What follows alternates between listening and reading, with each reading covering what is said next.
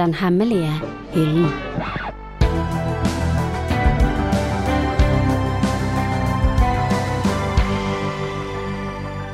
Hei, velkommen til en ny podkastserie, Den hemmelige hyllen, eh, hvor vi skal snakke kort og saklig om bøker fra Bergen offentlige bibliotek sine samlinger. Og det er ikke hvilke som helst bøker, men bøker som vi mener burde lånes og leses mer. Ideen er nok eh, ganske enkel. Eh, vi stiller opp med utvalgte bøker, og det er tre bøker per episode, som av et eller annet grunn eh, står litt gjenglemte i de mørke hjørner av eh, bibliotekets hjerte. Og i denne korte og energetiske episoden skal vi forsøke å overbevise dere med gode argumenter at akkurat de bøkene her fortjener deres oppmerksomhet. Eh, mitt navn er Joanna, og jeg er litteraturformidler på Hovedbiblioteket i Bergen. Og jeg er ikke alene på dette æresoppdraget. Med meg har jeg mine gode kolleger Hanne og Robin. Velkommen. Hei, hei, takk. Tusen takk. Hei, hei. Og la oss gå rett på sak. Tanken er at de episodene skal være ganske korte, slik at dere kan høre på de på vei til biblioteket. Eh, um, for å få en sånn eh, kjapt inspirasjon til videre lesning. Robin, hva har du på den hemmelige hylla di? Jeg har tatt med en bok som sikkert mange kjenner til, men ikke nok, syns jeg. Eh, Den er av Pål Norheim, og den heter Oppdateringer. Pål Norheim var jo en eh, bergensbasert forfatter, essayist, journalist. Han døde i august 2017, og jeg vil snakke om de, de siste bøkene hans, da. For det er egentlig to bøker, oppdateringer. Den første ble publisert i 2014, og den andre i 2017. Og det som er gøy med oppdateringer, er at dette er en samling tekster som opprinnelig ble publisert som Facebook-oppdateringer på hans egen Facebook-konto. Og senere er de da blitt samlet i bokform. Og man tenker kanskje at Facebook-oppdateringer ikke er særlig litterære, eller? At, at nivået kanskje ikke er spesielt interessant å lese, spesielt i ettertid. Men um, det motsatte er altså sant med når det gjelder Paul Norheim sine oppdateringer. Dette er altså en slags um, samling med kortprosa, kan man si. Um, og de favner veldig bredt. Altså det er både aforismer, reiseskildringer, anekdoter og minner.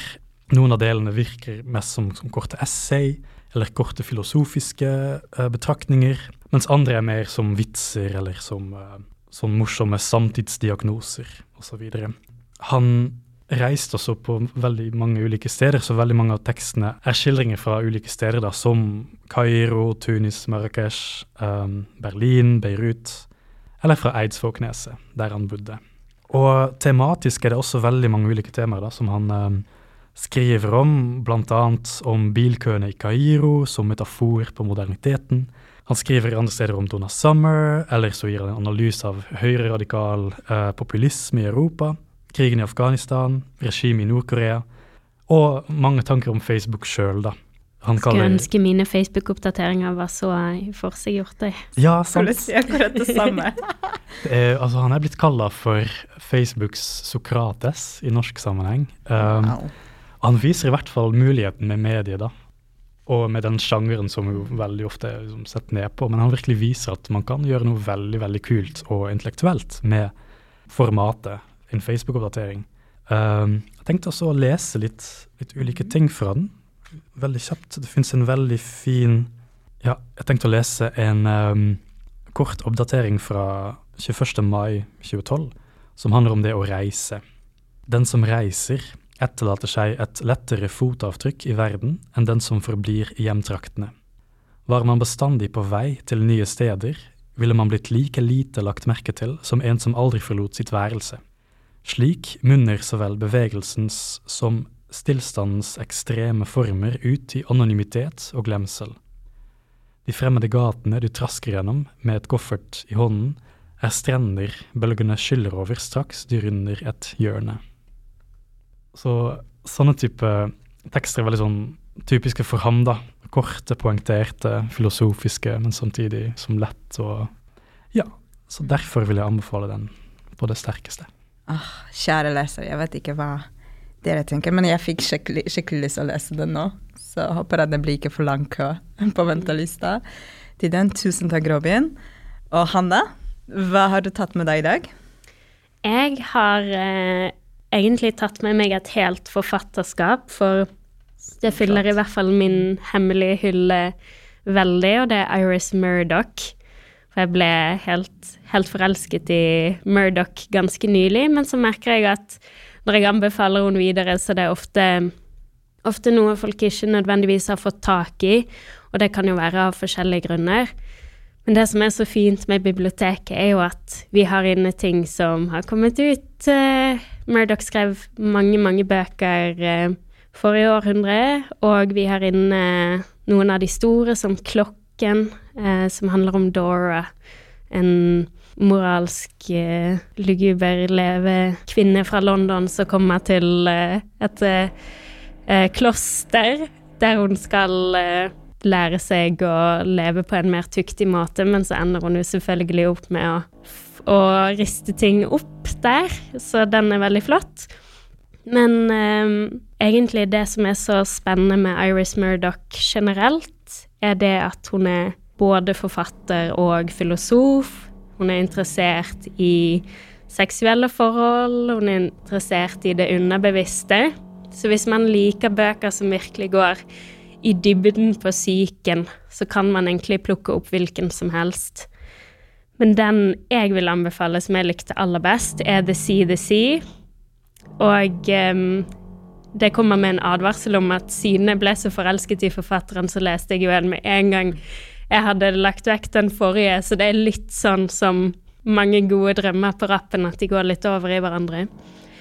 Men um, The Sea The Sea oppsummerer veldig prosjektet hennes, fordi uh, det handler ofte om moralske dilemmaer eller karakterer som rett og slett ikke har så god selvinnsikt. Og The CDC handler om Charles Araby, som er en teaterregissør som har bestemt seg for at han skal leve avskåret fra samfunnet i et hus ved sjøen med mye trekk og han skal skrive memoarene sine, så i starten så virker det veldig lovende, da, og han eh, får utløp for sine tanker om tidligere elskere, og det maten han spiser, og det han tenker på. Men som i sann Murdoch-stil så skal jo det hele falle av en eh, klippe. Og det er Han går, går ute utenfor huset, og så en veldig kjent replikk fra den boken er i saw a monster rising from the waves. Og um, det er jo selvfølgelig ikke helt tydelig om han faktisk ser det monsteret, da. Men det som på en måte er implisitt, er Kan vi faktisk slippe unna de sidene av oss selv vi prøver å flykte fra når vi isolerer oss på den måten? For Charles Araby er en forfengelig karakter, og det er noe det Murdoch gjør at hun lar det komme veldig tett på han. Så det som skjer, er at han i denne avsidesliggende landsbyen møter sin første kjæreste igjen.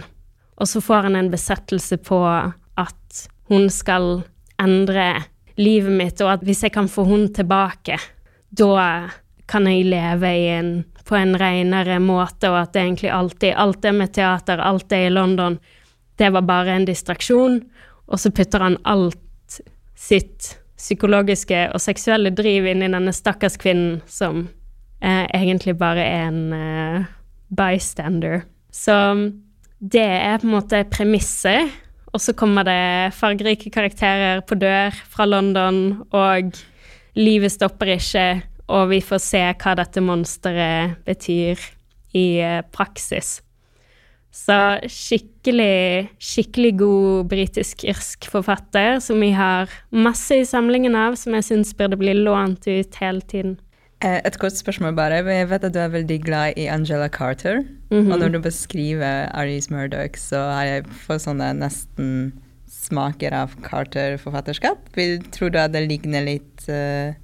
Jeg tror Carter er mer på en måte feministisk, mens Murdoch er mer hun går inn på det seksuelle, men mye mer det vi kanskje ikke vil anerkjenne ved oss selv, så underbevisste drifter, og det er ofte disse hovedkarakterene er ofte menn.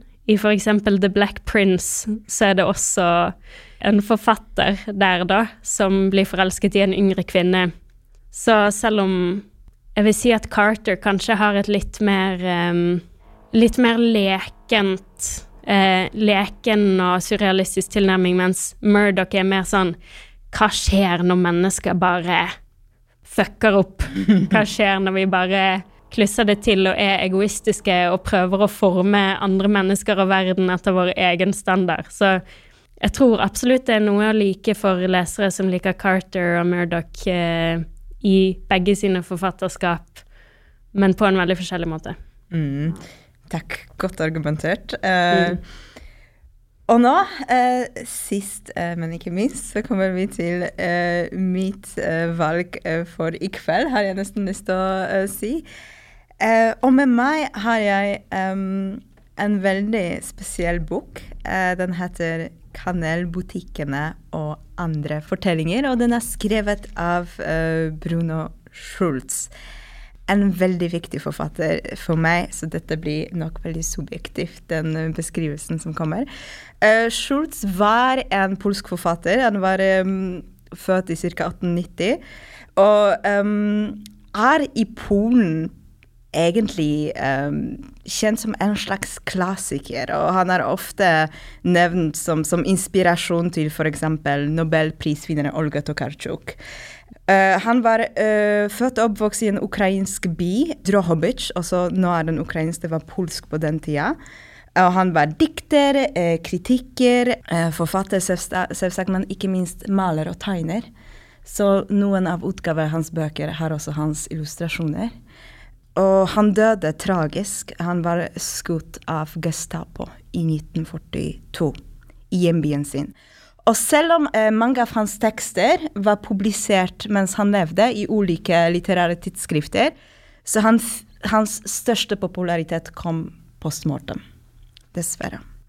Og i Norge, og jeg har funnet at norsk utgave er den første utenlandsk, eh, altså første oversettelse av Schultz, så det er ganske fenomenalt.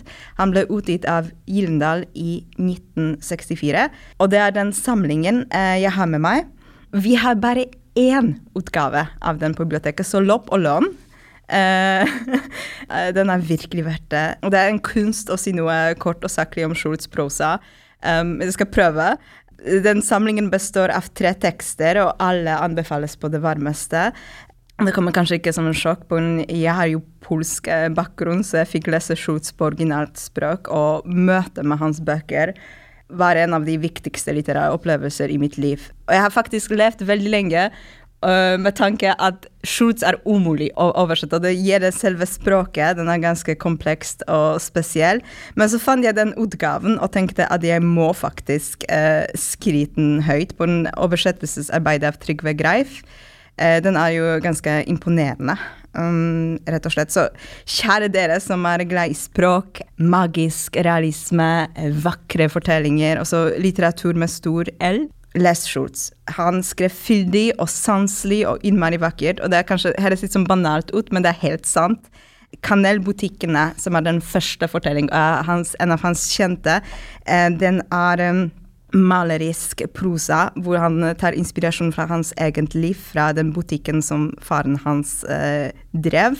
Og Gordon Holmebakk, eh, som skrev eh, introduksjon til eh, denne utgaven, sier at i fortellingen til Schultz så treffer vi dimensjoner som føles reelle, men som en har aldri hatt vokabular på. Og, og, det er kanskje mm. litteraturens store oppgave å kunne smitte oss med, med, den beundring av den virkeligheten som vi alle deler på, men opplever eh, veldig annerledes.